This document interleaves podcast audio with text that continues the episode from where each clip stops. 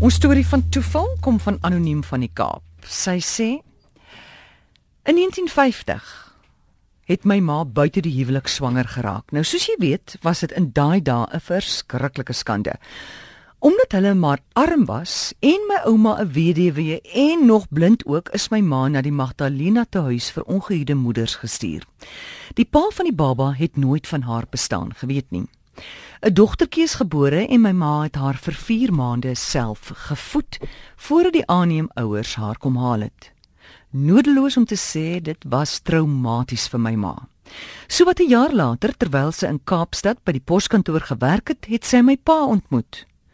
Toe hulle verhouding ernstig begin raak, het sy hom vertel dat sy 'n buiteegtelike baba gehad het. Nou hy het op daai stadium loseer by mense wat 'n baba dogtertjie aangeneem het. En toe hy hoor wanneer my ma se baba gebore is, was dit die presiese dag, datum en plek as die man en vrou se baba. Nadat hulle nou die saak verder ondersoek het, is vasgestel dat dit wel my ma se baba is. My ouers is getroud in 1952 en hulle het kontak gehou met die aanneemouers van haar baba.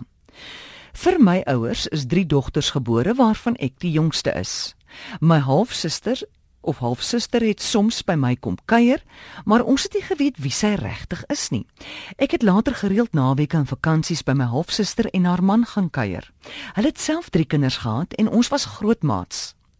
In my matriekjaar het my pa my die hele verhaal vertel en vir my foto's gewys van hom en my halfsuster toe sy nog 'n baba was. Sy's nou nog deel van ons lewens. Was dit toevallig dat my ouers ontmoet het? Hm, ek glo nie.